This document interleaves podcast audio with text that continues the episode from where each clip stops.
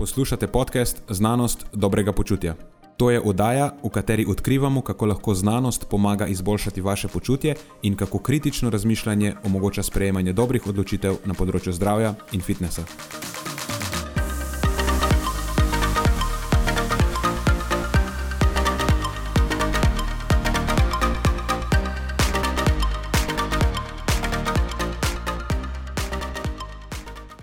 Pozdravljeni, z vami smo Nenad in moj sovoditelj Matjaš. Glavni temi tokratne epizode sta bili najprej vprašanje, katero izmed dveh, rečemo temu, problematičnih hranil, prosti sladkorji ali nasičene maščobe, ima bolj neugoden učinek na presnovno zdravje. Potem pa sva se pogovarjala o tem, potem pa sva preverila, kaj pravi literatura o tem, kako se med seboj tepeta trening za moč, eksplozivnost in hipertrofijo, ter trening za vzdržljivost, in kaj moramo upoštevati, če v svoj vadbeni režim redno vključujemo obe vrsti treninga. Je pa ta epizoda posebna zaradi enega zapleta, ki se nam je zgodil med snemanjem, namreč potem, ko sva posnela epizodo, oziroma ko smo jo v narekovajih posnela, sva ugotovila, da je v bistvu nisva posnela, tako da sva po eni uri in pol morala celo zadevo še enkrat ponoviti, oba precej demoralizirana. Tako da zadevo, ki jo boste poslušali, je posneta šele v drugo in malo okrnjena varianta, ker realno oba dva nisva imela več moči. Da bi celo zadevo še enkrat izpeljala v popolnem obsegu in enako navdušeno kot prvič. Preden začnemo, pa se moram zahvaliti še našim sponzorjem. Zaenkrat to še vedno ni velika korporacija, temveč zvesti poslušalci, ki nam izkazujete zaupanje in podporo s prijavo v našo člansko skupino Znanost dobrega počutja. Hvala vsem, ki s tem držite luči prižgane in omogočate podkastu, da raste in postaja še bolj kakovosten.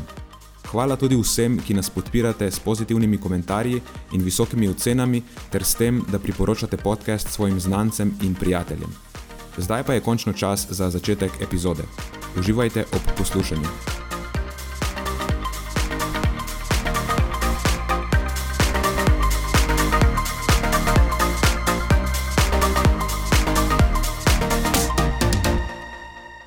Mislim, to je katastrofa. Mi dva smo naredila epizodo, eno uro smo se pogovarjali, in potem smo ugotovili, da nič od tega ni, ni posneto. Tako da ja. zdaj, v bistvu, po eni uri in še malo pogovora, bo vse posnela znova, s tem, da bo pač, lej, zdaj bo naredila to hitreje, jaz se bom potrudil, da eh, ne bom rental, tako kot sem rental prej. Jaz bom tokrat razširil eno izmed eh, prejšnjih epizod, oziroma dodal bom še nekaj k tistemu, kar sem povedala v eni izmed prejšnjih epizod, ko so se ukvarjala z vplivom hranil na zamaščenost jeter. Eh, takrat so tudi izpostavila, da je da pravzaprav večina raziskav na tem področju uh, je upravljenih v kontekstu overfeedinga, torej uh, prenajedanja. No, danes bi pa rad specifično govoril o tem, kaj se zgodi, ko ne uživamo uh, prekomernega vnosa energije, torej ko imamo prehrano, ki je nekako eukalorična, temu rečemo, torej ko udeleženci uživajo. Pa naj bi uživali takšno količino energije, ki jim omogoča vzdrževanje telesne mase, uh, In pa tukaj bo šlo v bistvu za primerjavo dveh hranil, nasičenih maščob, pa prostih sladkorjev. Ker recimo to, nekak, to sta nekako tisti dve hranili, ki se smatrata za najbolj problematični. In tudi ta raziskava ne govori samo o maščobah v jetrih, ampak nekako proba tudi pokazati, kako potem to posledično vpliva na presnovno zdravje. Tako da izidi so bili tudi eh, neke meritve odzivov po obrokih in, in tako naprej. Zdaj, članek, ki ga imam pripravljenega, so Perry in sodelavci, naslov je Intrahepatic Fat and Postprandial Glycemia Increase After Consumption of a Diet Enriched in Saturated Fat Compared with Free Sugars. Objavljen je bil v reviji Diabetes Care uh, iz letnico 2020. Zdaj, čisto na kratko, mogoče uvod sem, da spomniva, zakaj in kako je to pomembno, pa da narediva neko podlago. Vemo, da recimo distribucija maščobe in tip maščobnega tkiva to, torej nabiranje maščobe vetrih, pa okolje jeter, pa potem posledično eh, v narekovajih razlivanje maščobe iz jeter v bližino ostalih pomembnih presnovnih organov in tkiv, eh, še posebej recimo trebušne slinovke, ne, da to predstavlja izjemno vpliven dejavnik tveganja za poslabšano presnovno zdravje. In zdaj imamo to zamaščenost jeter, eh, manj po domače rečeno je to steatoza jeter. To pomeni, da maščobe v jetrih presegajo 5 odstotkov. To je sicer rečeno malo po domače, ampak če to povejo manj po domače, da bodo vsi srečni, eh, to pomeni, da intracelični trigliceridi so prisotni v več kot 5 odstotkih jetrnih celic. Ne? To je nek, recimo, temu, diagnostični um, kriterij. In potem še dodatno povečevanje maščobe v jetrih poslabša, to vemo, da poslabša akcijo inzulina, torej da ustavi proizvodnjo glukoze v jetrih, kar potem posledično povzroča visoke ravni glukoze v krvi. Ker kljub temu, da mi zaužijemo ugljikove hidrate, je visok inzulin, jedra tega nekako v narekovajih ne zaznajo in še zmeraj proizvajajo lastno glukozo, jo pošiljajo v obtok in posledično imamo mi visoko glukozo. In ker je pač to neugodno, se jedra poskušajo te odvečne maščobe znebiti, zaradi tega se poveča produkcija VLDL delcev, to so ti delci, ki so zadolženi za prenašanje trigliceridov eh, iz jeter, in posledično to pomeni potem tudi visoke ravni trigliceridov v krvi. Ampak ker ti trigliceridi, bogati VLDL delci, nekam morajo iti, ne, nekam, nekam se morajo sprazniti. Um, in ko se v podkožno maščevo je več ne uspejo sprazniti, si morajo najti drugo tarčo, in potem se ti VLDL delci pač spraznijo v ostala tkiva. Um, in to je še posebej problematično, ko se zgodi v visceralni regiji ali pa okoli trebušne slinovke. Ne, ker potem je ta zamaščenost trebušne slinovke tista, ki poslabša sposobnost njenih beta celic, te so med drugim zadolžene za proizvodnjo inzulina. Pomeni, da je proizvodnja inzulina nekako motena, in to na koncu pa lahko celo zadeva privede v totalno odpoved beta celic in v bistvu totalno nesposobnost uravnavanja krvnega sladkorja. In o tem recimo govori ta Twin Cycle Hypothesis, oziroma če je slovenski prevod, ne vem, hipoteza dveh ciklov, ki jo je postavil uh, Roy Taylor iz Univerze v Newcastlu, mislim, da je leta 2008, nisem zihar. In ta hipoteza se osredotoča na kroničen energijski presežek in učinke nabiranja visceralne maščobe. Ta hipoteza pravi, da se v kontekstu energijskega presežka zaužita maščoba in maščoba pretvorjena iz eh, preostalih, eh, v narekovajih, neporabljenih zaužitih ugljikovih hidratov, nabirata v jetrih. Ne, tako da sam inzulin in visoke ravni glukoze so pač tukaj postranskega pomena. Ne, to so posledice, niso vzrok. E, ni to, da povišene ravni krvnega sladkorja povzročajo nekaj, to so v bistvu posledice, ne vzroki. In za recimo tip 2 diabetesa je značilen ta twin cycle nabiranja maščobe v jetrih in prelivanje maščobe iz jedra proti trebušni slinovki, ki potem lahko, v bistvu, ne, kot rečeno, popolnoma unesposobi trebušno slinovko in popolnoma onemogoči nadzorovanje ravni uh, glukoze v krvi. Zdaj, zgodnje raziskave na tem področju so se ukvarjale predvsem s sladkorji, specifično s fruktozo. Pri overfeedingu, torej prekomernem vnosu fruktoze, je bilo pokazano, da to inducira de novo lipogenezo. To po domače pomeni sintezo maščobe iz nemaščobnih virov, pač v tem primeru oglikovih hidratov, oziroma sladkorja, oziroma fruktoze, ne, in to specifično jedrnih trigliceridov, torej vetrih. Ampak potem leta 2018 je ena uh, vodilnih skupin na tem področju, to so eni finski raziskovalci, je v taki precej elegantni študiji demonstrirala, da pa overfeeding, torej prekomeren vnos nasičenih maščob, poveča jedrne trigliceride še bolj, Oni so pokazali za približno 55 odstotkov, medtem ko je recimo v primerjavi z, pri overfeedingu s prostimi sladkorji to povečanje v povprečju 33 odstotno. Tako da to je bil en indikator, da mogoče nasičene maščobe pa so še bolj problematične. No, ampak v vsakem primeru tudi tukaj je bilo pokazano to v kontekstu overfeedinga, torej prenajedanja, prekomernega vnosa energije.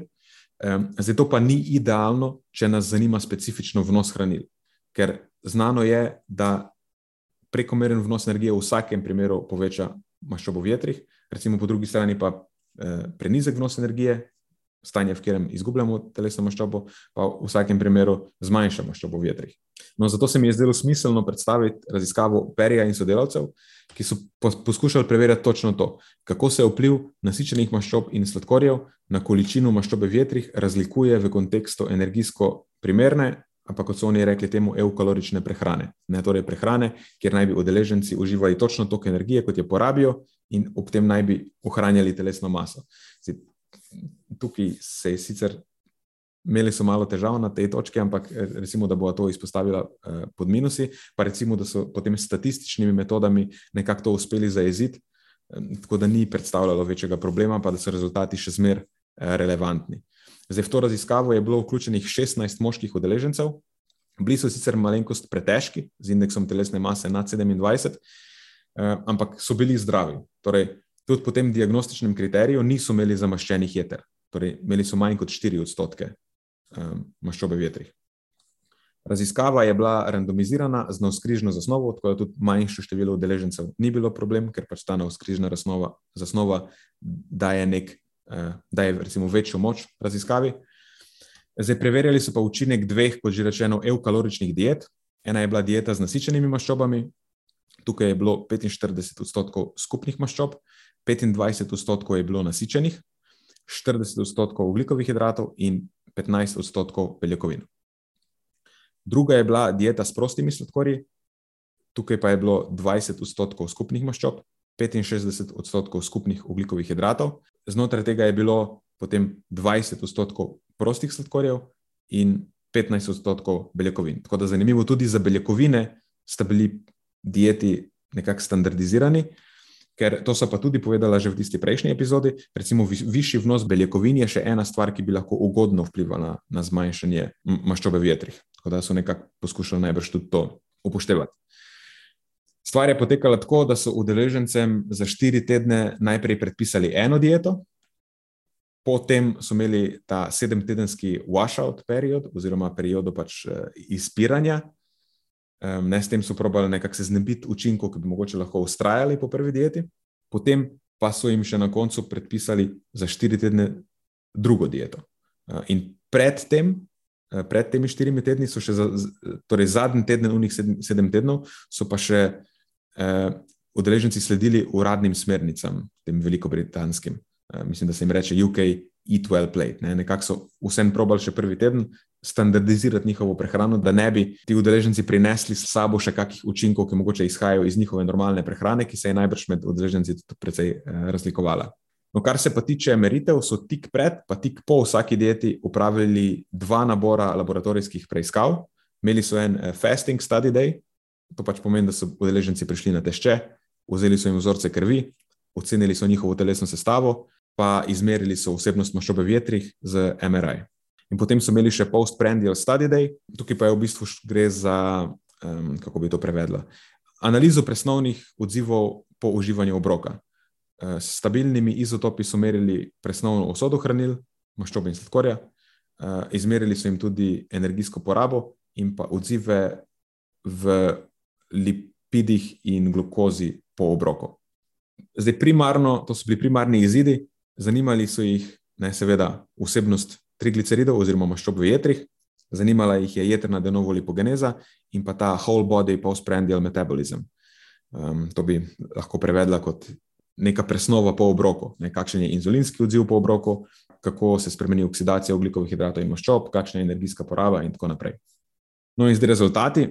Telesna masa se je povečala za 1,5 kg na prehrani z nasičenimi maščobami, tako da to recimo ni idealno. Medtem ko na prehrani s prostimi sladkorji so v bistvu povprečju udeleženci pridobili 200 gramov, tako da precej manj. Um, in pokazalo se je tudi, da so udeleženci poročali, da so zaužili 300 kalorij več na prehrani z nasičenimi maščobami. Zdaj, zakaj se je to zgodilo? Najbrž zato, ker je pač visok vnos maščob v prehrani z nasičenimi maščobami, zadeva je manj nasitna. No? Ko imaš ti toliko maščob v prehrani, so to energijsko gosta živila, zdaj kljub temu, da jaz tebi predpišem, da moraš zaužiti neko količino hrane, bo to zate najbrž premalo in bo bilo pojedenega še kaj drugega. Um, tako da to je nekaj, kar je potem v interpretaciji potrebno upoštevati. No, kar se tiče pa primarnih izidov, med dietama ni bilo statistično značilnih razlik v glukozi in inzulinu na tešče, bila je pa razlika v vsebnosti trigliceridov v jetrih. Ne? To je torej tisto, kar nas v bistvu tudi najbolj zanima. In bilo je tako, pri dieti z nasičenimi maščobami so se povišali za 39 odstotkov, v primerjavi z dieto s prostimi sladkorji, pri kateri pa ni bilo spremembe. Tako da visok vnos prostih sladkorjev v bistvu ni povzročil spremembe v zamaščenosti jeter. No, in potem so pa probali nadzorovati za to pridobivanje telesne mase na dieti z nasičenimi maščobami, izvedli so linearno regresijsko analizo, s katero so tudi nekako pokazali, da je to uh, povečanje telesne mase pri dieti z nasičenimi maščobami pojasnilo dobrih 17 odstotkov tega povečanja, nekar nakazuje, da je višja vsebnost trigliceridov v jetrih v večini pravzaprav posledica visokega vnosa nasičenih maščob in bi lahko rekli, da je vsaj v večji meri neodvisna od samega pridobivanja telesne mase. No, pa kar se tiče še razlike v presnovi po obroku, glukoza in inzulin po obroku sta bila statistično značilno višja po prehrani z nasičenimi maščobami.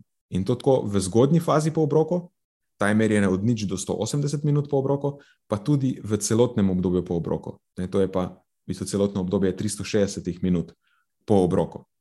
Tako da vidimo, da dejansko je višji vnos nasičenih maščob tisti, ki je vplival na više ravni glukoze in inzulina po obroku.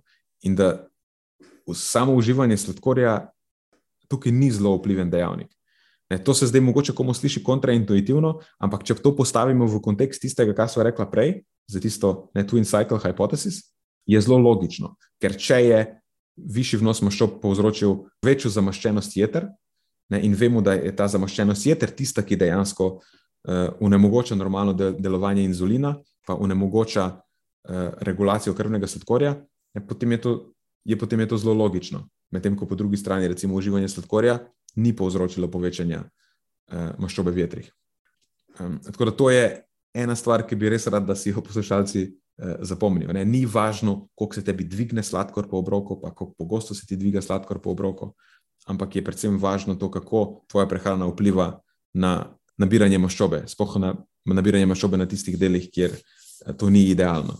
No, na koncu imamo pa še oksidacijo maščobnih kislin iz prehrane in adipoznega tkiva, pa oksidacijo ugljikovih hidratov, tukaj pa tudi ni bilo značilne razlike med dietama.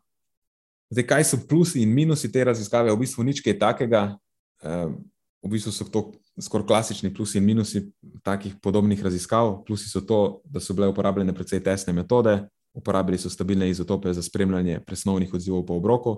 Udeleženci so bili zdravi, ne, imeli so manj kot 4 odstotke intraceličnih trigliceridov, kar je nekakšen upgrade v primerjavi s predhodnimi raziskavami, ker je pogosto šlo za posameznike, ki že imajo zamaščena jedra, No, sodeč po teh njihovih prehranskih dnevnikih, ki so jih vzeli med raziskavo, so udeleženci tudi zelo dosledno zadevali svoje prehranske cilje, vsaj kar se tiče eh, ne, odstotkov predpisanih makrohranil v prehrani, pač po domače držali so se diet. Um, zdaj, minus je pa to, da so na prehrani z nasičenimi maščobami očitno zaužili 300 kalorij več. Zdaj, to so sicer raziskovalci nekako nadzorovali z dodatnimi statističnimi metodami, ampak recimo, da še vsem, mogoče naslednje raziskave bi bilo fajn, da poskušajo to malo bolj robustno nadzorovati, da, da do tega ne pride. No, in zdaj, kaj so pa zanimivosti, pa praktične implikacije vsega tega? Prva, definitivno ta, da kljub temu, da je prehrana s prostimi sladkorji vsebovala 23 odstotkov prostih sladkorjev in 62 odstotkov ugljikovih hidratov, ne to v povprečju, je manj, manjši odmik od tega, kar je bilo na začetku predpisano, ampak še zmeraj znotraj okvirjev.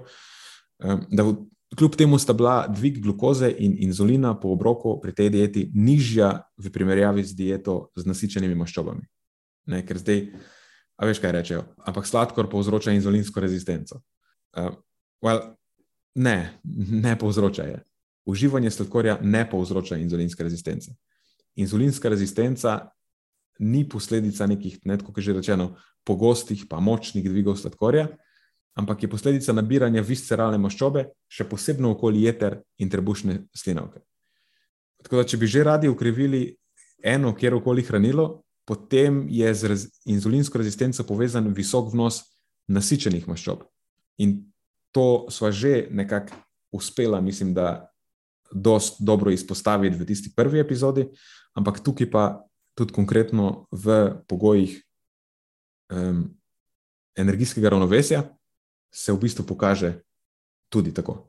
Um, in kar je tukaj še vredno izpostaviti, je predvsem to, da precej visok vnos prostih sladkorjev ni pokazal očitnih negativnih vplivov na osebnost maščobe v vetrih ali na kazalce presnovnega zdravja.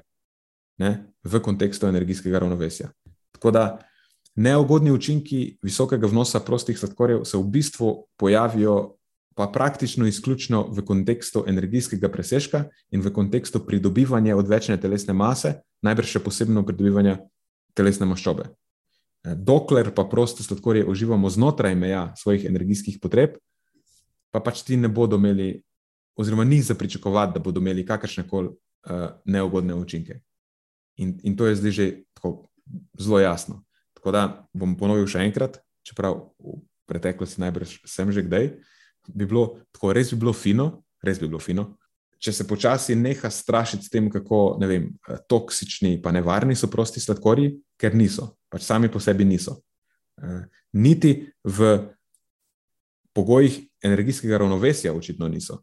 Kaj šele, če govorimo recimo o nekih posameznikih, ki tako ali tako ne uspejo pokriti svojih energijskih potreb, ne za njih dejansko bo dodatek prostih sladkorjev v prehrano, če jim to pomaga zagotoviti ali pa pokriti njihove energijske potrebe, pač za njih bo to koristno.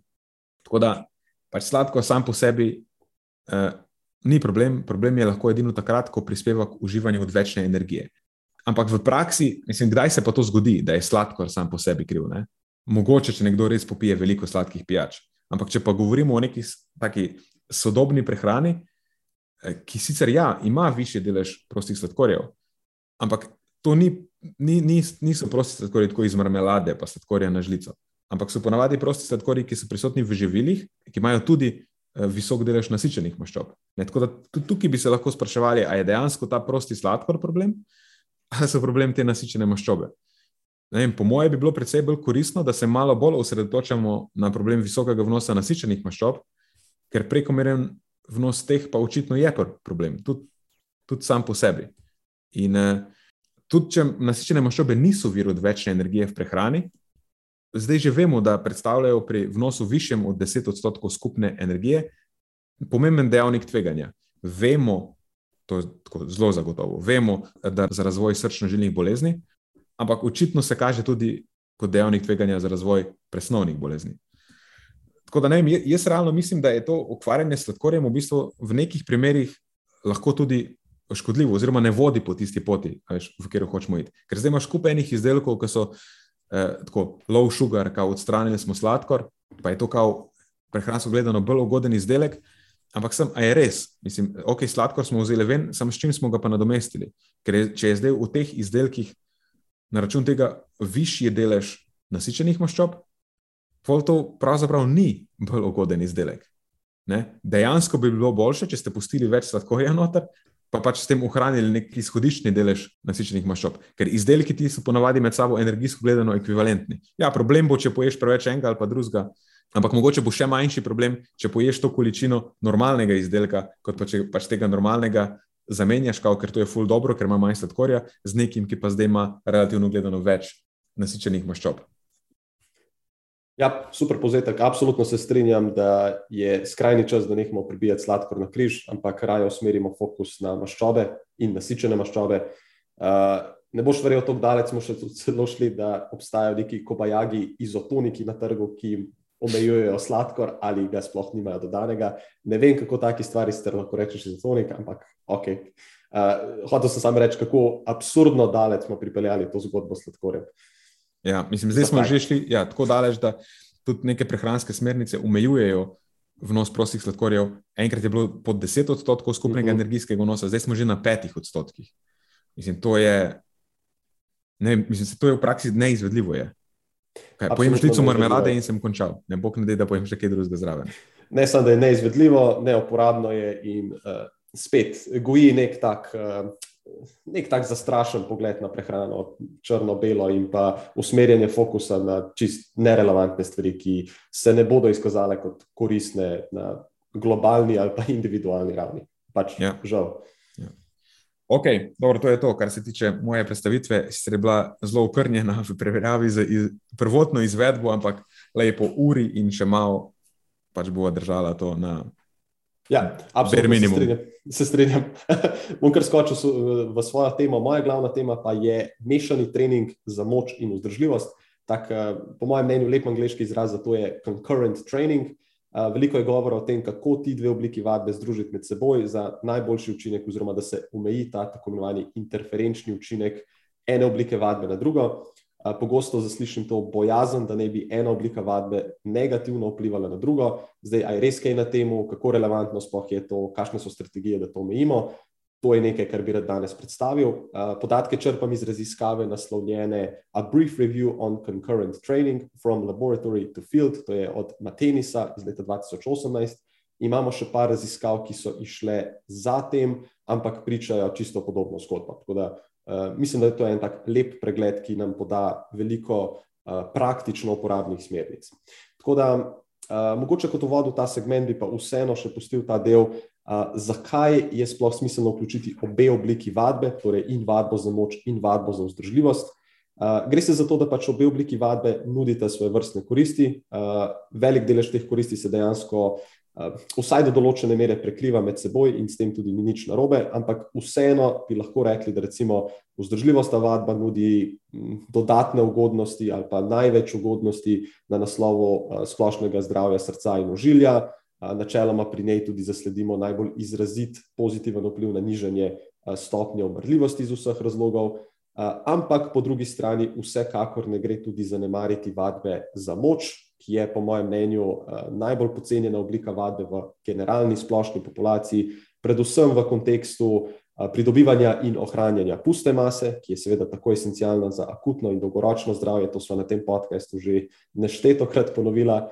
Prav tako je koristno iz vidika manjšanja rizika nekih pacov in poškodb, izboljšanja funkcionalne neodvisnosti, in pa tudi ima izrazit pozitiven vpliv na prvo točko, na prvo obliko vadbe, ki sem jo omenjal, skratka na vzdržljivostno vadbo torej, da lahko to opravljamo, da imamo reči bolj kvalitetno ali pa na višjih obratih, z manjšo možnostjo poškodb, in tako dalje. Tako da vadba za moč in vadba za zdržljivost, uh, yin in yang v tem vadbenem kontekstu, in to je nekaj, kar pri Filgudu tudi zelo pogosto izpostavljamo.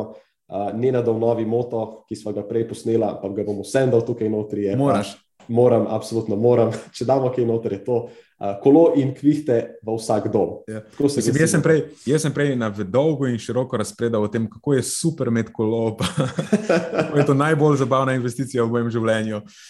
Da 20 minut, 20 minut je bilo samo tega. Jaz mislim, da sem res opravil izjemno nalogo, da sem bil res evangelist, kar se tiče tega, da, da bi uspodbujal ljudi naj kolesarijo. To je pa vse skupaj propadlo. Ja, meni iskreno iz srca mi je žal, da se je to zgodilo, ampak bova to ponovila v enem izmed naslednjih epizod, ker to ne ja. sme izostati ven. Uh, ok, evo, to je bil nek tak hiter vod, zdaj pa skočimo noter v ta interferenčni učinek plus strategije, kako ga omejiti, oziroma kako je sploh relevanten. Uh, Zdaj, interferenčni učinek sem že omenil, gre se za to, da bi ena oblika vadbe lahko negativno vplivala na drugo. To se zgodi na različnih nivojih. En je ta biokemični nivo, kjer se ta dva držljaja, ene in druge oblike vadbe med seboj precej razlikujeta. Drugi nivo bi pa rekel, da je mogoče bolj, oziroma je bolj relevanten, po mojem mnenju, vsaj. Je pa bolj pragmatične narave. Imamo neko omejeno kapaciteto, koliko volumna treninga lahko um, pohendlamo na neki tedenski ravni, in če nam ena oblika vadbe pač jemlje čas in pa kapaciteto za regeneracijo ali pa za upravljanje druge oblike vadbe, potem bi to seveda lahko negativno vplivalo na to, kako hitro napredujemo na enem ali drugem naslovu. In po prebiranju literature postane zelo očitno, da je ta interferenčni učinek najbolj izrazit na nivoju nekega negativnega vpliva na eksplozivnost v prvi vrsti, potem nekoliko manj, ampak vseeno zelo izrazito tudi na maksimalno moč, in pa najmanj na hipertrofijo. Uh, hipertrofija v smislu pridobivanja mišične mase. Tleh smo se z Nenadom pohecali, da je to v bistvu edino, kar je vsaj nama zelo pomembno. ja, jaz sem rekel, da v bistvu sem že upustil idejo, da bom, da bom kadarkoli zelo eksploziven, pač nisem nek eksploziven tip, tako da s tem sem se že sprijaznil. In tudi nekdo mi je pred kratkim rekel, da je moj spirit animal v bistvu medved. Tako da jaz si pač rad si vzamem čas za stvari jih v svojem tempu naredim in nikamor ne hitim. Tako da neka ta eksplozivnost, pa hitrost, pa to za me ni zelo pomembno. Je pa zelo važno, da nadpoprečna količina mišične mase, hipertrofija, to je, tisto, to je tisto, kar v bistvu naredi življenje dobro.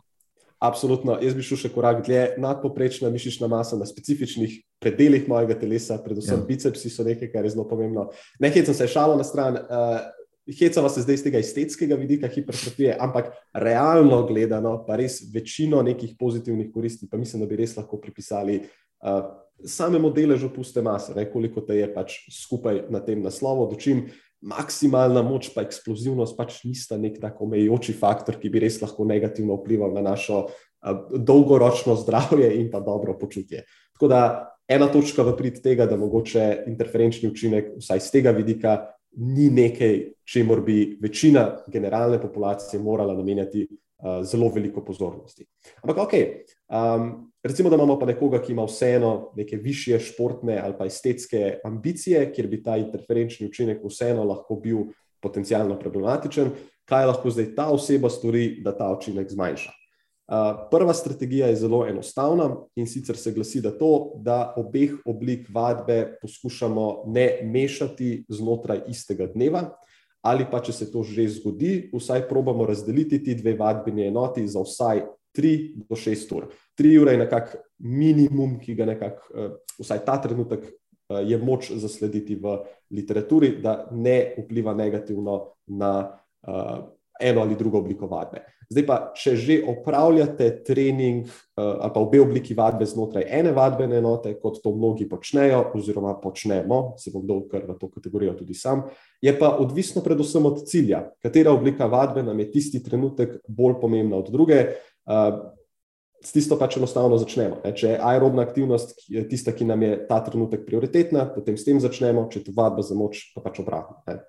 Zdaj, na ta način je interferenčni učinek uh, zelo, zelo omejen, ampak predvsem ali pa pod pogojem, če se držimo nekega smiselnega volumna treninga na obeh naslovih, ker preveč enega ali drugega bo zagotovo vodilo uh, do situacije, kjer se ne regeneriramo ustrezno in to ne glede na to, kako pokupčkamo te vadbene enote med seboj. In zdaj bi se ponovno vrnil nazaj na nas, navadne smrtnike, generalno populacijo. Če to pomeni upravljanje vem, dveh, treh treningov za moč tedensko, pa potem po vrhu tega gremo na kak sprehod ali pa tek čez teden, pa mogoče en vem, daljši pohod po hribih čez vikend, to ni situacija, kjer bi ta interferenčni učinek dejansko lahko bil problematičen. Tako da brez skrbi. Um, mogoče bi tukaj vseeno še izpostavil eno smiselno navodilo za nekoga, ki ki mu je recimo maksimalna moč, in pa za nekoga, ki so mu estetski cilji v prvi vrsti bolj pomembni od nekih vzdržljivostnih ciljev, uh, bi bila pa prava izbira ali pa neka bolj primerna izbira te aerobne aktivnosti. Tukaj se pogovarjamo predvsem o takih low impact aktivnostih, kjer je mal, malo teh nekih skokov in pa pacov in pa um, Mogoče si najlažje to predstavljati skozi dejanske športne aktivnosti. Recimo tek bi bil tipičen primer takega bolj high impact aktivnosti ali pa kakšni poskoki, kilometrija in podobno. Dočim na drugi strani imamo pa recimo kolesarjenje, evo ga, Lenat, ali pa plavanje mogoče, ali pa enostavno hoja. To so pa take bolj low impact aktivnosti. Um, ampak ok, če nekako to stvar zaokrožimo, uh, mislim, da je interferenčni učinek nekaj, kar je uh, tako malo preveč uh, prenapihnjeno v teh naših fitness krogih, um, ni nekaj, kar bi za večino generalne populacije bila sploh relevantna stvar. Uh, glavno je, da treniramo, da treniramo na različnih, uh, da, da vključujemo v svojo vadbo različne oblike vadbe, za moč, za vzdržljivost, uh, kolo in kvihte vsak dom. To je še en moto, ki ga bomo naredili. To je to. Uh, če pa so dejansko neki višji športni ali pa estetski cilji v igri, potem pa je seveda vredno razmisliti o teh parih strategijah, ki sem jih omenil Prej je torej ločevanje treningov na ločene dneve ali pa vsaj za 3 do 6 ur, prioritiziranje tiste oblike vadbe, ki nam je dani trenutek najbolj pomembna, to se potem navezuje tudi na ustrezno periodiziranje trening programa na splošno. Izbira recimo primerne oblike aerobne aktivnosti, če so v cilji predvsem vadba za moč in pa za estetiko, no, za maksimalno pridobivanje mišične mase. In pa še nekaj, kar me je Nenad uh, v prejšnji neuspešni seji zelo dobro opozoril. Uh, vse to pa propade, če te stvari nekako ustrezno ne podpremo iz prehranskega vidika. Uh, če imamo eno in drugo v igri, še posebej pri velikih volumnih, potem bomo to morali ustrezno v prvi vrsti energijsko podpreti, in to bo v veliki meri izhajalo iz sladkorja. Tako je. Omenila smo še edino, uh, specifično na mojem primeru, vprašal si me, kako zdaj treniram noge. Ne? Pa sem omenil, A, da ja, prav. v bistvu, glede na to, da moje noge zdaj precej trpijo na račun večjih ur na kolesu, pač ne izvajam težkih vaj za spodnji del telesa, večino več, recimo ne, ne delam težkih deadliftov, hip thrust, nažalost, sem opustil težke. Ampak vsem pa je potem potrebno poskrbeti, da še vsem se ohranja ta neka eh, relativno visoka stopnja funkcionalnosti spodnjega dela telesa. Tako da mogoče vsem potem. Ne bi temu glih rekel korekcijske vaje, ampak še zmer na nek način je potrebno ne, vse te spodnjem delu obremeniti znotraj teh, tega polnega obsega, obsega gibanja, tako da pač ostaneš funkcionalen. V, eh, Ja, super, ze- zelo dober point, hvala, da si me opozoril na to. Uh, to se po eni strani navezuje tudi na, ta, um, na korekcijo nekega volumna vadbe. Uh, in to je nekaj, kar si ti zelo dobro, recimo, zdaj naredil v praksi, uh, in nekaj, kar zelo pogosto manjka v praksi, pri te, mi se hecamo o profesionalnih rekreativcih. Ja. Uh, in to je samo dodajanje in dodajanje volumna treninga iz obeh naslovov, ampak brez ustreznih modifikacij. Recimo, ti si zdaj pač ustrezno zmanjšal volumen treninga za moč za noge, ker opraviš ne vem. Koliko kilometrov na tedenski ravni na kolesu. In, in to je edino smiselno in edino logično, ker če tega ne storimo, je velika verjetnost, da potem sledijo poškodbe. Je pa tako, kot si dejal, to ne pomeni popoln umik ali pa izogib vaj za moč, eh, to samo pomeni ustrezno zmanjšanje vem, intenzitete in volumna. In to je vse. Ja. Ok, super. Dobro, malo krajša epizoda, ampak na koncu dneva lahko smo sploh srečni, da jo imamo. Mislim, res so bila demoralizirana prej. Tako, več kot eno uro razpredala so o raznih stvareh in po jaz hočem stisniti, jaz sem kriv. Hočem stisniti, prenehaj snemanje in tako ni tipke. In potem sem se seveda spomnil, da nisem niti nikoli pritisnil, da se začne snemati. Meni je edino žal, da zdaj nimamo obeh posnetkov, pa bi potem lahko dala oba v eter, pa malo vidva, katera je ljudem bolj všeč. Krajša, straight to the point verzija. Ja, mislim.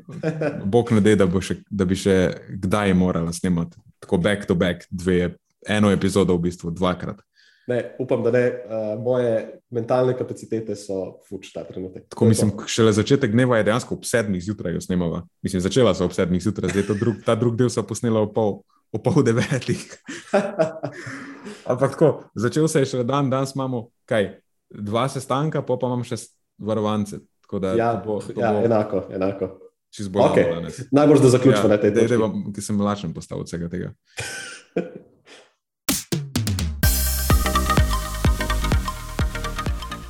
To je za tokrat vse iz naše strani. Hvala, ker ste poslušali do konca. Delite epizodo s svojimi znanci in prijatelji in jo priporočajte dalje, saj s tem omogočite, da sporočilo znanost dobrega počutja doseže čim večjo množico. Hvala vsem, ki nas podpirate s članarino in tudi vsem ostalim, ki delite podcast dalje in nam izkazujete naklonjenost z visokimi ocenami in pozitivnimi komentarji. Se slišimo prihodnjič, do takrat pa ostanite premišljeni.